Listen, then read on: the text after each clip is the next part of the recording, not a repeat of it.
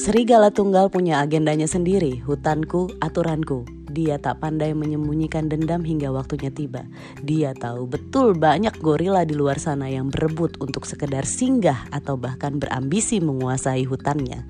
Satu dari pasangan gorila sudah duduk nyaman di hutannya, hingga akhirnya dia lelah, menyerah, dan mundur dengan sendirinya serigala tunggal yang pernah menyeka lembab hujan di sudut gelap mata sang Tarzan.